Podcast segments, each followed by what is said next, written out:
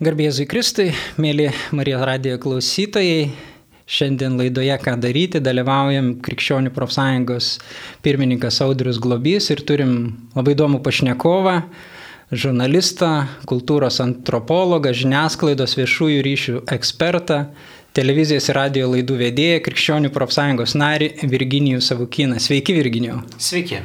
Šiandien su Virginijum pakalbėsim apie cenzūrą ir cancel, jei lietuviškai verčiant nutildymo, pašalinimo, atšaukimo kultūrą, nes nu, Virginijus kaip ir tiesiogiai su tuo paskutiniu metu yra susidūręs. Ir kaip sakyt, daugiau bus turbūt šį kartą praktinis pokalbis, ne tiek teorinis, kiek praktinis pokalbis. Bet prieš pradedant kalbėti apie cancel kultūrą, turbūt visi Marijos radio klausytojams būtų įdomu išgirsti, Virginijau, jūsų asmeninį santykį su tikėjimu. Vis tiek turbūt nedažnai tenka dalyvauti Marijos radio laidų ir toks dabar mm. priešingas, dažniausiai jūs klausinėjate, jūs. Taip, taip, šiandien, taip, taip, taip. šiandien truputį pasikeičiam roliam ir tiesiog, vat, kodėl jums svarbus tikėjimas bažnyčia? Ir ar svarbus? Labai geras klausimas ir Labai sunkus klausimas iš tiesų, ar ne? Aš esu tikintis. Tai tikėjimas man yra svarbus. Um, ir aš ir pat savęs klausiu, tai taip aš esu tikintis, e, vaikštau sekmadieniais, dėje ne kiekvieną sekmadienį į bažnyčią, praktikuojantis katalikas. Bet visi mesgi suprantam, ar ne, ar to tik tais pakanka. Ir e, visada klausia, kas yra tikėjimas tau tikėjimas tai yra kelias ir turi tikriausiai eiti juo, iškilusius klausimus atsakyti savo pačiam, ieškoto atsakymo, skaitant įvairias knygas. Tai gal taip sakykime labai abstrakčiai ir labai, taip sakykime, paviršutiniškai galbūt atsakyčiau į šitą į jūsų klausimą taip, nes, na, suprantate, čia labai gilus klausimas ir labai apie daugą būtų galima e, kalbėti. O apie bažnyčią, ar ne, tai aš, kai jūs uždavėte šitą klausimą, prisiminiau vieną tokią seną istoriją. Seniai, seniai, dar jaunas buvau ir su vienu vienuolios, maždaug, žodžiu, tokia pusiau jokiais diskusija ten susitikus. Nu, taip, yra katalikai, na, tokios apėgos, betgi yra kiti krikščionys, yra protestantai, liuteronai, kalvinistai, kitokios uh, apėgos ir, na, gali būti krikščionim Yra vienas Dievas, ar ne? Ir kodėl čia tada turėtum, o oh, taip, naiviai, ta, mm, kodėl katalikų bažnyčios laikytis a, tradicijos. Ir jisai man taip atsakė, sako, virgi, sako, nėra tokio krikščionio kaip tokio. Yra krikščionis katalikas, krikščionis liuteronas, krikščionis kalvinistas.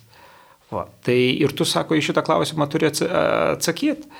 Tai taip, aš esu katalikas ir man, sakykime, šitą tokią diskusiją pusiau juokais, bet ji man buvo svarbi, nes, na, aš supratau, kad aš esu kaip padėjo apsispręsti, ta, ta prasme, kaip padėjo apsispręsti, sąmoningai, tai aš labiau sąmoningai supratau, taip, aš katalikas, nes, aišku, tą tradiciją aš gimiau tikinčioje šeimoje, katalikų šeimoje, visą tai atėjo kaip iš tos tradicijos, o šitas klausimas mane privertė pagalvoti ir sąmoningai apsispręsti, nes taip, aš esu katalikas. Virginijau, e, esat istorikas, man atrodo, pagal Taip, aš baigiau, aš baigiau Vilnius universitete, istorijos fakultetą ir tuo metu, da, tai buvo 92 metai, 96-8, e, tai irgi buvo naujos, e, nauji vėjai, tuo metu visai ta kita atmosfera buvo, norima naujos teorijos, naujos disciplinos ir taip toliau ir taip toliau. Ir iš tiesų buvo labai įdomu studijuoti ir tada dar buvo irgi bandoma kultūros antropologija mhm. įvesti kaip naują discipliną. Ta tas man buvo patrauklu, tai mano specializacija buvo kultūros antropologija.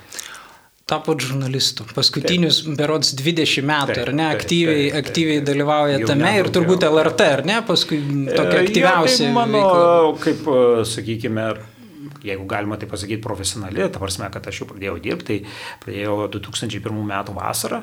Naujienų portale tuo metu buvo toks, tai vadinosi Omnilaikas, mhm. tai nuo internetinio naujienų portalo aš pradėjau. E, jau visą darbo dieną skirt žurnalistikai. O po to buvo LRT, iš pradžių radijas LRT, po to televizija ir taip iki šių dienų.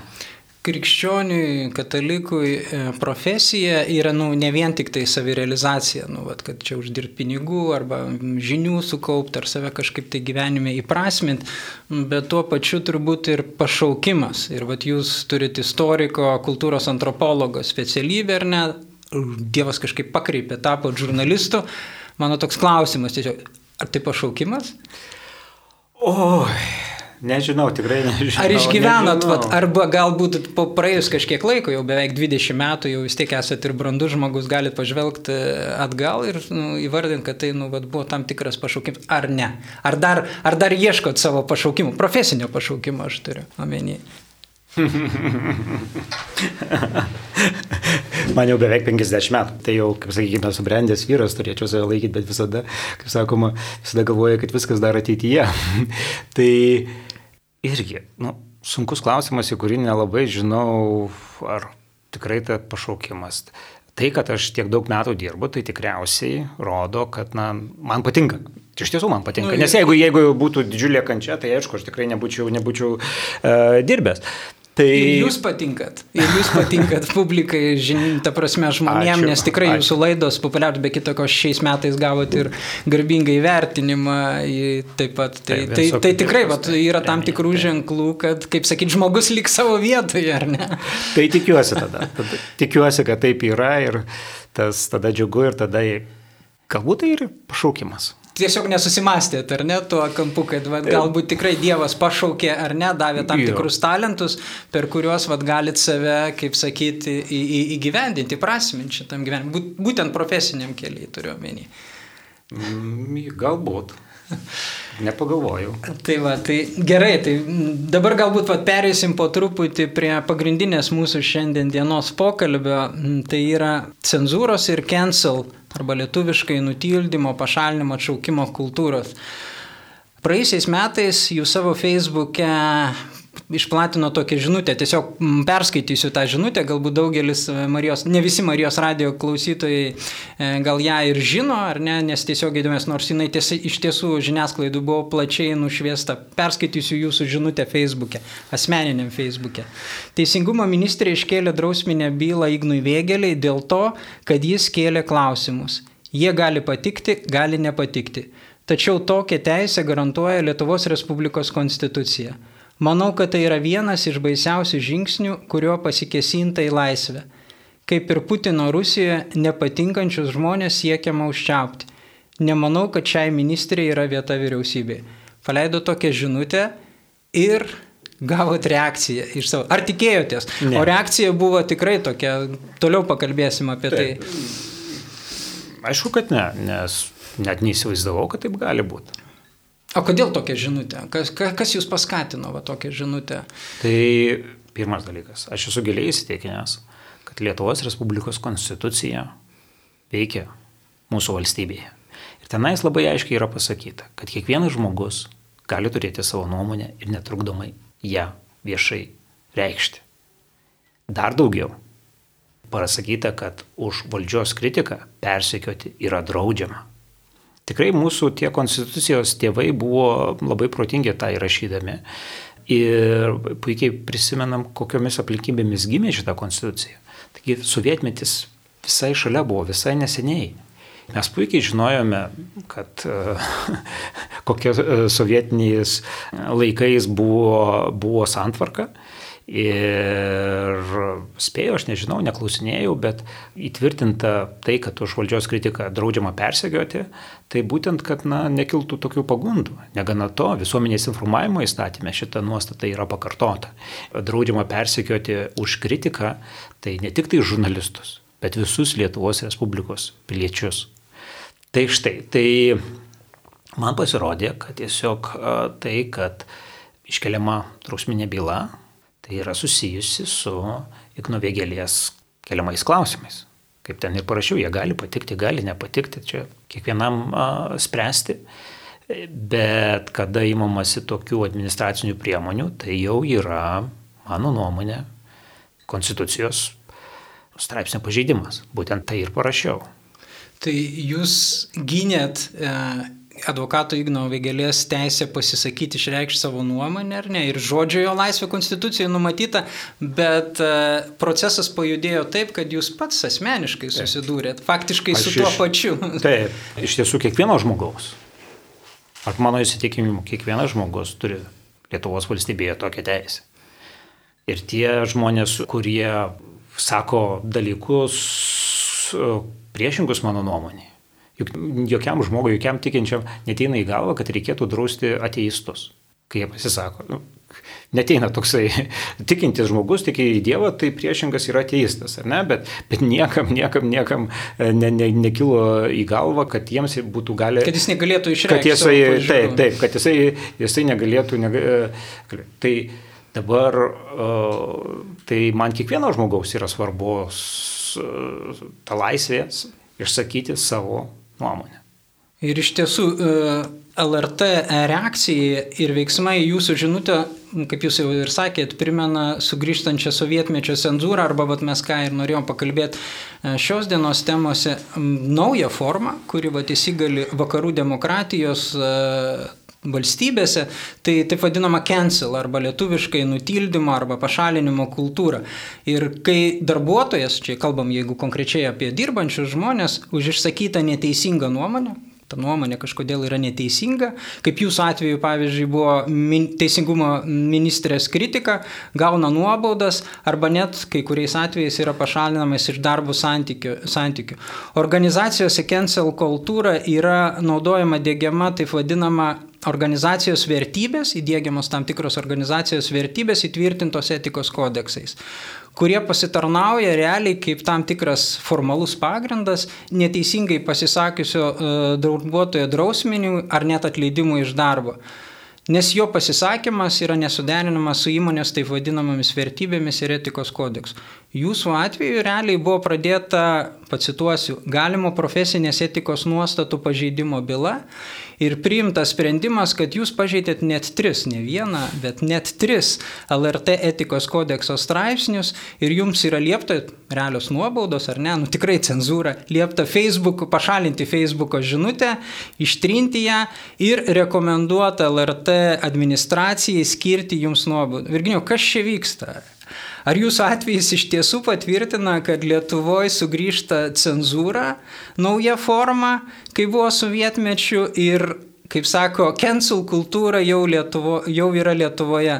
O mūsų, kas, man atrodo, ir kas grėsmingiausia yra iš tiesų, kad uh, mūsų nacionalinis transliuotojas tampa tarsi tos cancel kultūros ir cenzūros klaidos žydiniu. Manau, tai yra labai pavojinga. Kas čia vyksta, Virginio? Vat jūs iš asmeninės patirties, jūs turbūt ir kaip žurnalistas, ir kaip istorikas, antropologas galite stebėti tos procesus ir dabar vat, asmeniškai bandydamas išsakyti savo poziciją vienu klausimu, pats susidurėt su, su tuo, kas čia vyksta pas mus. Tai jūs jau paminėjote, kad ta atšaukimo kultūra, jie prasidėjo vakaruose, ypatingai Junktinėse Amerikos valstijose Ir tai galbūt galima sėti su socialinių tinklų išplėtimu, interneto išplėtimu, bet mes jau matome, kokias turi pasiekmes. Nes iš tiesų viena istorija, gaila dabar neprisimenu tik tais pavardės, chemikas gavęs Nobelio premiją, paklausė, ką jisai mano apie moteris e, mokslę ir jisai tiesiog pajokavo Ir to pajokavimo užteko, kad būtų irgi prieš jį didžiulė suorganizuota banga. Ir visiškai buvo nesvarbu, kad jisai realiai savo laboratorijose labai daug yra padėjęs moteriams, globojęs ir atlikęs daug nuostabių dalykų, padaręs daug nuostabių dalykų, visą tai buvo nesvarbu. Netgi ir tai yra Nobelio premijos laureatas. Jo universiteto vadovybė jo neužsistoja ir galiausiai jisai turėjo išeiti iš darbo. Tai kai yra tokie žmonės neapginami. O dėl ko jisai išėjo iš darbo? Dėl vienos nekal, ne, nekalto pajokavimo. Ten nieko blogo nebuvo. Tai... Tiesiog atsiranda tokių temų, kurių faktiškai lies geriau, nebegalima, taip, net ir taip, juoko forma jos. Taip, yra. taip, ir tai yra, tai yra tai, kas buvo anksčiau ironija, humoras, ar ne? Iš tavęs gali atimti visą, visą, visą gyvenimą. Ir šitam kontekste kartais, kaip sakoma, na tai kas, taigi jo nenuteisė, na, kas, na, prarado darbą, kitas susiras, ar ne, Nobelio premijos laureatas chemikas, ar ne. Ir nieko čia blogo. Bet aš vis prisimenu, ne, šitas išradimas, tiesą pasakius, nėra čia moderniųjų laikų, ar ne, kaip toks, ar ne, mm, Sokrato istorija. Prisimenam visi. Tai jisai nebuvo nubaustas mirties bausme ir viskas. Jam buvo duotas pasirinkimas, arba tu išeini iš polio ir gyveni ten kalnuose, e, kažkur tai eini, mums už nesvarbu. visuomenės ribų. Taip, taip, va čia va kas svarbiausia, už mūsų visuomenės ribų, už polio ribų. Eini, Nebemūtini vandens, kaip sakė, jeigu. Taip, ganyk oškas kalnuose, sėk, javus, ką nori. Kalbėkis pats su savim, jeigu nori. Ar ten sutiksi kokį nors barbarą, jam pasakok, uždavinėk klausimus savo. Arba pasirenki mirtį.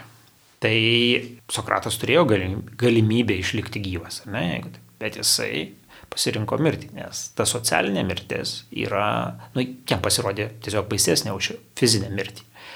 Tai atšaukimo kultūra, ką, ką reiškia, tai yra žmogaus socialinė mirtį. Tai ir kai sakoma, kad čia nieko tokio, tai, tai iš tiesų tai yra labai baisus dalykai. Tai galbūt irgi vakaruose, galbūt nuo to jau atsitokėjimą po truputį tokia nuojauta arba gal, na, viltis man yra. Ir kaip svarbu, kad tik tais Lietuvoje neužsisuktų šitas smagratis. Čia esminis dalykas, nes kitaip tai bus labai daug sulaužytų žmonių likimų.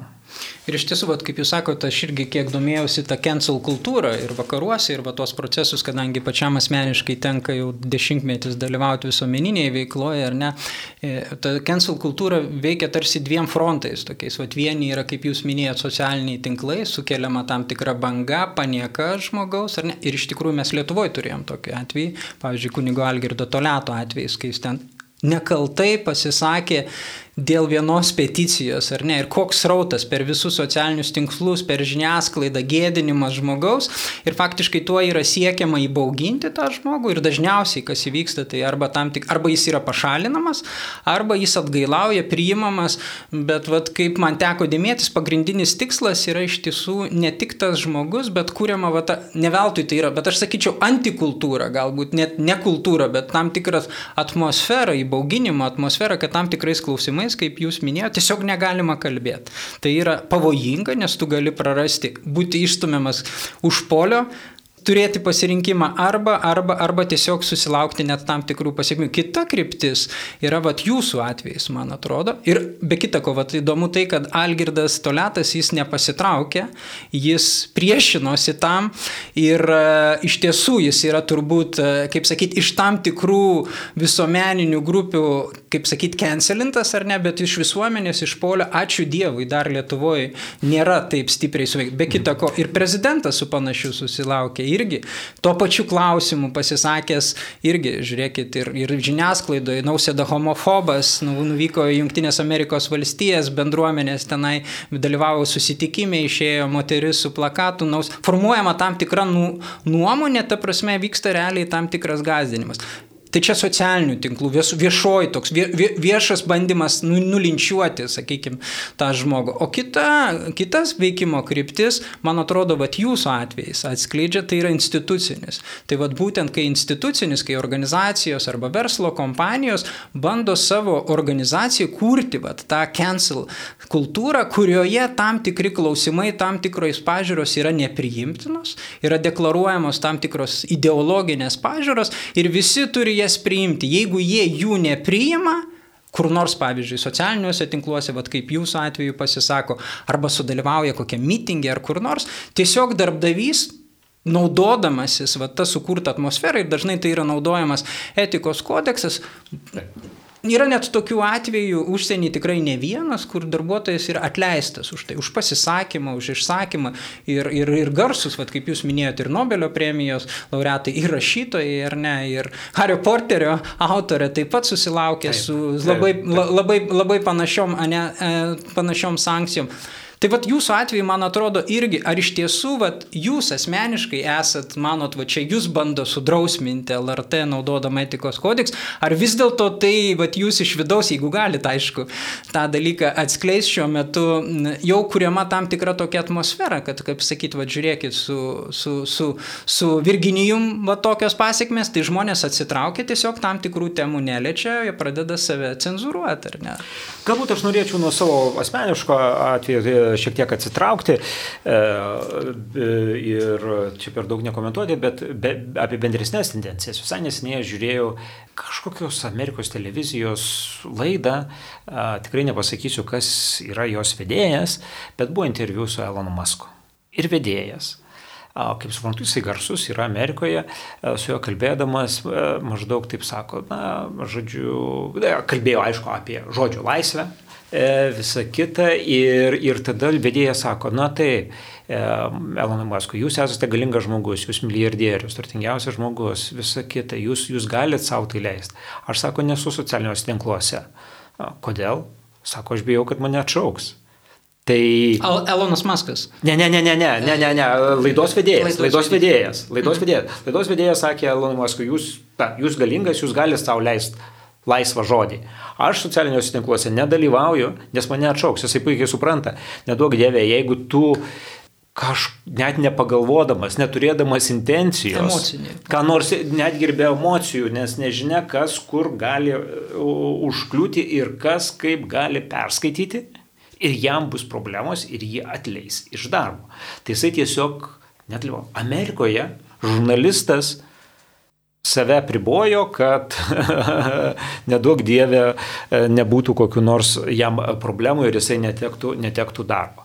Tai tai yra jau Amerikoje laisvo žodžio šalyje, kada žmogus, kuris turi užima na, aukštas pareigas, e, nu, ne aukštas pareigas, bet tiesiog na, tam tikrą dirba socialinę, socialinį statusą turintis, socialinę poziciją, ne, jisai bijo kažką tai net tai pasakyti. Tai kada Jonas Paulius II kreipdamasis į sovietinio lagerio šalis sakė, nebijokite.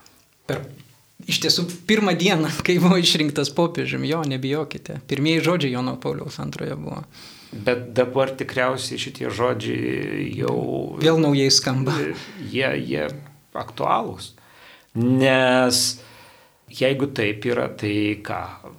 Laisvę, sakyt, gali tik tais arba multimilijardieriai, turi žodžio laisvę, arba visiškai nieko neturintys žmonės, kurie nieko neturi ką prarasti. Nedalyvauja polio gyvenime, taip, taip, taip, visuomeniniam gyvenime. Tai čia yra šitas, e, e, čia yra ta bendra, ar ne, ta, kaip sakykime, įbauginimo atmosfera. Dabar pereikim prie Lietuvos, visai neseniai buvo atlikti tyrimai sociologiniai, tikslių skaičių nepasakysiu, bet esmė yra tokia, kad dauguma, daugelis žmonių mano, kad už visuomeninę veiklą galima susilaukti įvairių sankcijų. Tai yra ir netgi nemalonumų darbe. Tai irgi, tai yra baimės atmosfera, nes jeigu tu nedaug dievę kažkokiam tai mitingė netam sudalyvausi. Tai, ar laidoj?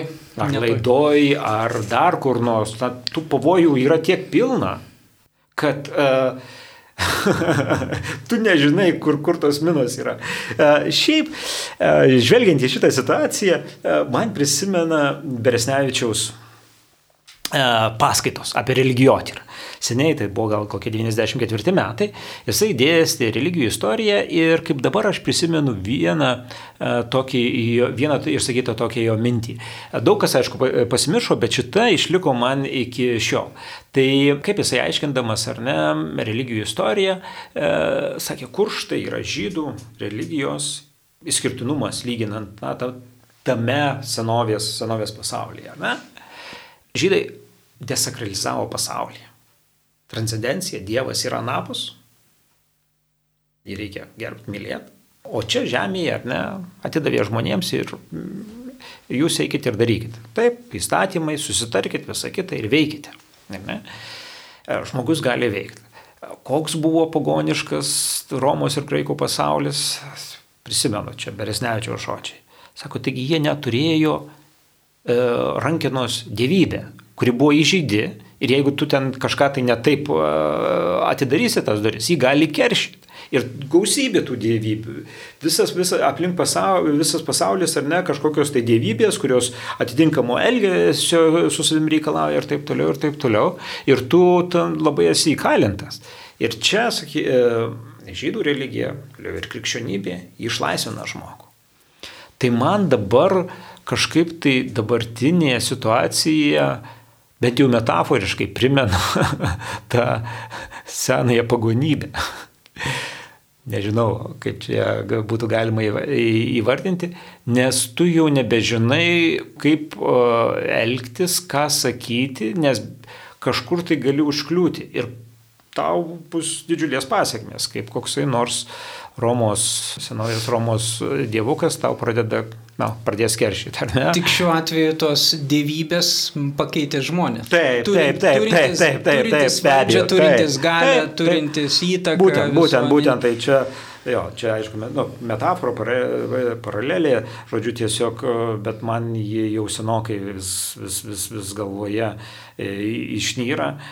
Tai toks pasaulis yra beproto sunkus žmonėms gyventi. Bet iš tikrųjų, vat, tą, ką jūs pasakėte, ir man irgi dažnai sukasi ta mintis, čia dabar labai dažnai kalbam apie laisvę, ar ne, ir politinių partijų, ir jėgų įvairių turim, ar ne, išlaisvę žmonių, žmogaus teisės, bet paradoksas yra tai, kad visi tie procesai veda į išlaisvinimą iš pačios laisvės.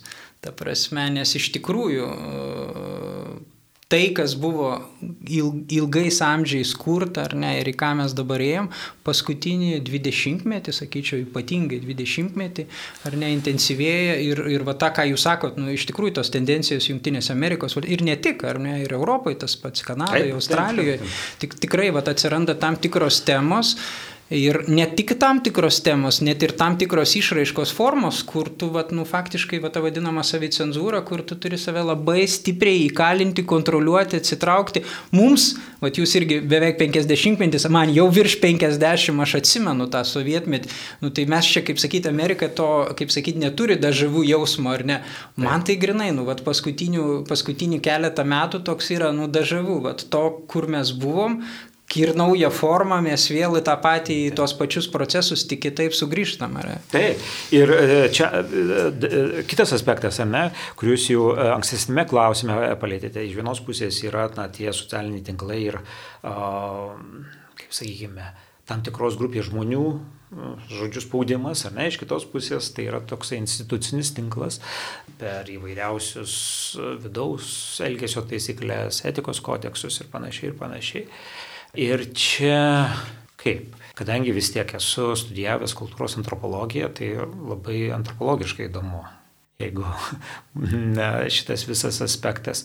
Nes iš tiesų tas paradoksas, kuo daugiau kalbam apie laisvę, viešumoje ar ne, daug, tai įvairios kontrolės žmogaus, kontrolės mechanizmai, jie vis stipresni ir stipresni. Ir čia Mišelio Fuko, aš prisimenu, skaičiau jo paskaitas, jos, kurios išleistos, jisai jas skaitė e, Paryžiuje, jos dabar atspausintos, tai galima perskaityti ar ne, ir irgi, na, ten nagrinėdamas jisai tą disciplinuojančią visuomenę, e, jo čia tema. Ir irgi 18 amžiaus pabaigoje jisai tokį dokumentą cituoja. Paskaitos pradžioje perskaita ir užduoda auditorijai klausimą, ar atspėsit, kas tai. Ten yra darbo atvarkė, sakykime, ar, ar, ar na, pavadinkime tai yra darbo atvarkė. Kur nuo, nuo ankstyvo ryto parašyta, ką, ką turi daryti. Ir kas tai? Tai ar labai griežtos vienuolino regulos, regula? Ne. Tai pasirodo buvo to ankstyvojo kapitalizmo, tai yra fabriko, žodžiu, darbuotojų, moterų, ten beje, darbo taisyklės. Jos turėjo gyventi specialiai tam pastatytame pastate ir jos keldavosi, dabar nepamenu, penktą ar šeštą ir jų kiekviena minutė buvo suplanuota, ką jos turi daryti. Tik tai sekmadienį, pusė dienos, jos turėjo laiko nueiti į bažnyčią ir tenais kelias valandas pasi, pasi, pasi, pasivaikščioti. O visa kita buvo sureguliuota. Ir jeigu nori dirbti, tai dirbk va taip, va, nes galvoju, kad tai bus našio, našesnis dalykas ir na, na, tiesiog kontroliuojamas žmogus. Tai aišku, dabar to tiesiogiai tokių dalykų nėra, bet aš irgi matau tam tikrą tendenciją vis daugiau ir daugiau kontroliuoti. Nes darbdavys jau nebeperka vien, saky, iš darbuotojo vien aštuonių darbo valandų, jo kompetencijų atliktam konkrečiam darbui, bet jisai daugiau ar ne, tai yra tu jau turi arba pritari mūsų vertybėmis arba ne, jo į asmenį gyvenimą ir taip toliau ir taip toliau. Ir vis, vis daugiau ir daugiau siekiama kontroliuoti. Tai kaip šitą procesą pavadinti? Jeigu darbdavys nori privatų žmogaus gyvenimą sureguliuoti. Sureguliuoti ir kontroliuoti. Tai Tai čia turbūt va, tas yra, kai, sakykime, dabar vyksta tas procesas išlaisvinimas iš moralės, va, kaip kalbėjom, ar ne, va, jeigu žmogus praranda moralę, darybės, nebeugdomos darybės, tada ta visuomenė e, labai sunkiai kaip sakyti, savyje pati iš savęs gali sugyventi ir tada reikalinga turbūt daug išorinių kontrolės mechanizmų šitoje vietoje. Ir čia turbūt su tokiu paradoksu, man, man kai jūs kalbėjot, va, ir apie tą senovės pasaulį, ir, ir apie dabartį, ar ne, va, kai buvo tie dievai, ar ne, ir va, žmogus, vyko, įvyko tas desakralizavimas, ar ne, ir žmogus tarsi va šitoje tikrovėje, ar ne šitoje realybėje pats gali kurti, man kažkaip iškilo Orvelo gyvulių ūkis, ar ne, va, tarsi gyvuliai išsilaisvino iš žmogaus ir po to keulės pačios tampa valdančios kitus žmonės. Tai žiūrėkit, vėl kažkas panašaus gauna, ne, gaunasi ir ne, tam tikrą įtaką gali įgaunantys žmonės, tarsi va tikrai buvo tam tikras va tas laikotarpis, pokario laikotarpis, manau, iš tiesų ir va tas paskutinis penkisdešimtmetis ar net trisdešimtmetis toks, nu tikrai, man atrodo, daug visuomenės e, buvo pasiekusios. Bet vat, paskutiniai dešimtmečiai, ar ne, pas mus į Lietuvą, kaip sakyti, yra ateinančios va šitos ideologijos, išlaisvinančios, išlaisvinančios žmogų iš moralės, ar ne kabutėse išlaisvinančios taip, taip. iš tikrųjų iš iš egzistencinės skolos, ar ne, va, tie, savo e, dievui, šeimai, tėviniai, ar ne, tu niekam neskolingas. Esi, tu pats, ir va tokia visuomenė, kabutėse, išlaisvinta iš visų šitų dalykų, kurie leistų patiems save, ar ne, va, tam tikrais moralės pagrindais valdyti, ne, iš tikrųjų yra sudėtinga tokiai visuomeniai. Nes tada, kaip sakyti, tos ribos labai greitai peržengiamos. Ir, ir va čia man prisimena irgi Benedikto XVI, va, ta relativizmo diktatūra, tarsi nėra tiesos vienos objektyvios ar ne, bet tada atsiranda kažkokios sukurtos objektyvios tiesos, kurios pradedamas primest, bet ką jūs sakėt, net ir darbo vietoje. E, taip, tai man atrodo e, visiems yra akivaizdu, kad pavadinkime kaip nori, e, dorybės, ar ne, bet na tai, kas yra dekologas. Na, krikščioniui aišku. Tiesą pasakius, ir ateistui aišku, kad tai, na, laikomas nevok, ar ne. Tai visiems šitas įstatymas galioja. Arba, kaip pasakius, turėtų laikytis. Ne?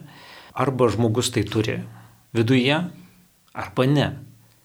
Ir tas noras, aš suprantu, ar ne, kad e, ir visiškai pritariu, ar ne, kad taip, kaip išlaisvinama visuomenė iš moralės, tai tada reikia labai daug lapų, labai daug surašyti taisyklių, kad kažkaip tai e, kontroliuoti. Bet niekada nebus visos situacijos surašytos. Vienas dalykas. Antras dalykas, tai kas norėsis jas apeiti, apeis.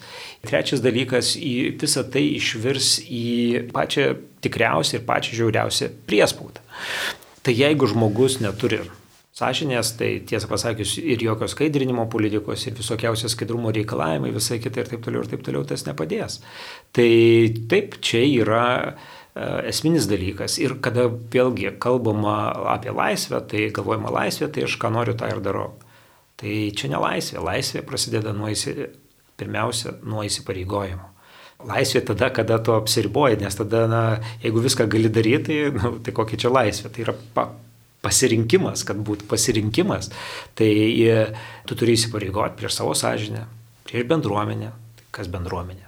Vairios katalikų bendruomenė, krikščionių bendruomenė, protestantų bendruomenė ar tauta, valstybė. Įsipareigojimas savo tai prieš savo sąžinę. Tai tada galima po truputį kalbėti apie laisvę. Ir beje, man krikščionybė tai yra laisvės religija. Apie tai, man atrodo, pirmiausia yra būtent ta tikroji laisvė, o ne kažkaip tai, net nežinau kaip pavadinti, kaip kai kurių ideologų darbuose ta laisvė apibrėžiama. Tai šita prasme man laisvė yra svarbi. Ir galbūt dėl to aš taip ir jautriai reaguoju į, į, į kada persikėjimai kitų dėl nuomonės ryškimo. Tai man yra svarbu. Jūs tiesiog išvelgėt va, tos procesus, matot ir tiesiog nu, ne, negalit nutilėti šitoje vietoje. Nu, ir va dabar turbūt naujas gyvenimo tam tikras etapas, iššūkis iš tikrųjų, 20 metų LRT ir kuo tie procesai pasibaigs. Aš dar, va, nu, man labai ta, jūsų mintis irgi įdomi apie va, šitas taisyklės, pats asmeniškai peržiūrėjau LRT kode, etikos kodeksą po jūsų, po jūsų atveju. Nu, ir turiu pripažinti, man susidarė toks įspūdis, kad jo nepažeisti yra neįmanoma.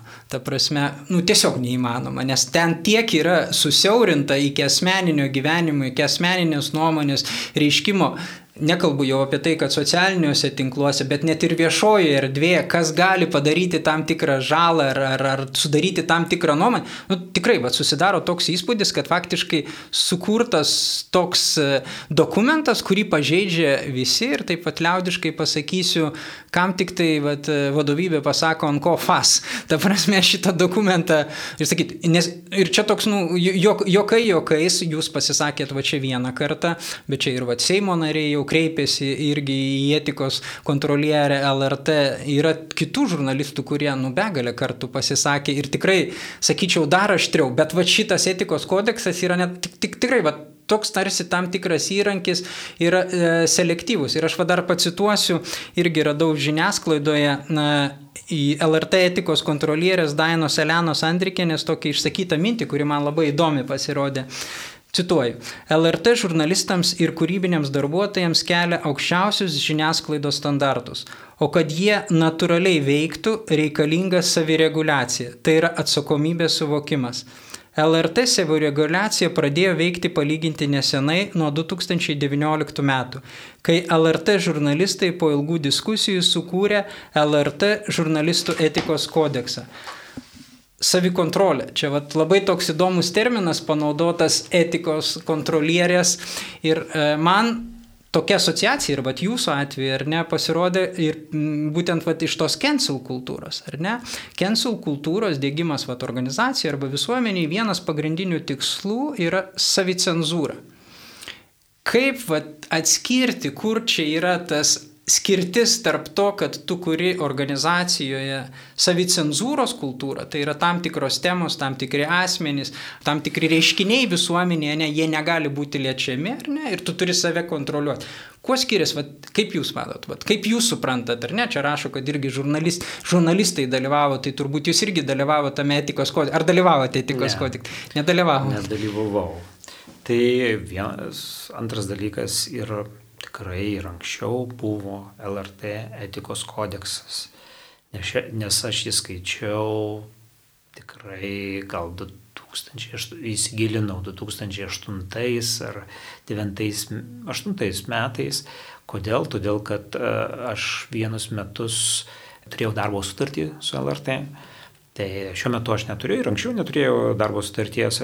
Tai tada, kada aš pradėjau darbo, buvo darbiniai santykiai su LRT, tai tada galioja LRT etikos kodeksas. Būtent tada jau aš jį perskaičiau ir mano nuomonė tai buvo geras kodeksas. Tai čia šiek tiek papildymų.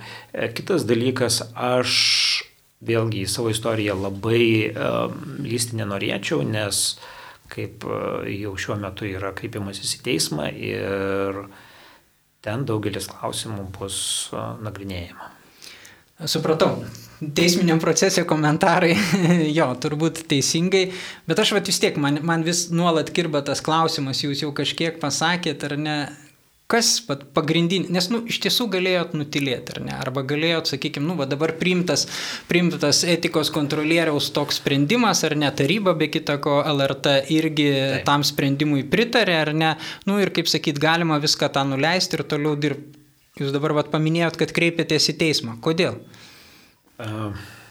Nes einat į konfrontaciją, einat į konfrontaciją ne šiaip savo su darbdaviu, bet su LRT, su transliuotoju. Tikrai jie turi nu, nemažai, aš manau, įtakos visuomeniai ir ta konfrontacija visai gali baigtis. Kodėl vat, jūsų toks sprendimas yra? Kreipimus į teismą tai yra normalus teisinis civilizuotas kelias. Tai yra pirma. Ir turi teisę Lietuvos Respublikos piliečiai. Ir ne tik tais piliečiai. Tai vienas dalykas. Antras dalykas, aš kitaip neturėjau pasirinkimo, nes nemanau, kad jeigu sutikčiau, kad aš pažydžiau etiką, tai ką, tada manyčiau, kad Lietuvos Respublikos konstitucijoje įrašyti blogi straipsniai. Aš taip tikrai nemanau. Ir nemanau, ir šitie klausimai vėlgi, kaip parodė ir visuomenės reakcija į mano šitą istoriją, daugeliu iškyla. Ne man vienam. Tai čia ne mano vieno mm, klausimai, tai kaip išnaudojau visas galimybės LRT ir dabar tas teisinis kelias. Tai tik tais toksai variantas, nes, nes tikrai aš nemanau, kad šita situacija yra, kaip pasakyti, tokia, kur būtų galima kažkaip tai numoti ranką, nes tai mano įsitikinimu pamatinės mūsų laisvės yra. Tai ar mes jas ginam ar ne? Virginio, mes esam laidoje formate, ką daryti. Tai jūs jau savo pavyzdžių, man atrodo, po truputį atsakot, ką daryti, ką daryti, kaip nepasiduoti mūsų konstitucijoje įtvirtintų teisų ir laisvių suvaržymų ir cancel kultūros, arba tiksliau antikultūros įsigalėjimui visuomenį ir netapti to bendrininkais. Vat, ką jūs patartumėt mūsų klausytojams? O, nežinau. Labai sudėtingas klausimas, nes kiekviena situacija yra skirtinga ir savo širdies tikriausiai klausytų, savo sąžinės daugiau aš tikriausiai ne, ne, ne, nedryščiau, nes kiekvienas, na kaip, aš tiesiog supratau, kad uh, aš kitaip negaliu. Tai todėl aš, na, LRT etikos kontrolierės sprendimą skundžiau tarybai. Taryba paliko galioti. Tada yra teisinis kelias, kreipimasis į teismą, tai, tai man tai buvo natūralu šitas visas dalykas, o taip Bet dar vienas dalykas, o iš tiesų tai, iš tiesų tai galiu pasakyti. Uh, ir čia ne mano mintis, jau sakėm, visos protingos mintys pasakytos, tai yra popiežius Jonas Paulius II pasakė, nebijokite. Tai iš tiesų, kas yra svarbu, nebijokite, nes taip, čia yra svarbiausia. O ko čia bijot? Kodėl? Ko? Ačiū Virginijau jums už drąsą. Manau, kad tai iš tikrųjų yra esminis dalykas - nebijoti drąsa ir va tokie žmonės kaip jūs, kaip kunigas Algirdas, ar ne pasiprieš, nu, pasipriešindami tokiais civilizuotais būdais, ar ne, ne to, kad ten keliamos riaušės ar kažkas, bet tiesiog, va, kaip jūs pasirinko teisminių kelių, kunigas Algirdas pasirinko išsakyti, nesutikti, net gailauti už tai, kad jis irgi turi teisę turėti savo nuomonę ar ne ir girti, ginti savo įsitikinimus, religijos, sąžinės, žodžio laisvę, ar ne. Tai manau, kad tokie žmonės iš tikrųjų tikrųjų tą tsunami, kuris vėl sugrįžta į Lietuvą, šiek tiek pristabdo. Mėly Marijos radijo klausytojai, šiandien laidoje ką daryti, laidą vedžiau aš, Krikščionių profsąjungos pirmininkas Audrius Globys ir laidoje kalbėjome su žurnalistu, kultūros antropologu, LRT laidų vedėju Virginijumi Savukynu. Ačiū Jums visiems uždėmesi. Ačiū. Sudė. Sudė.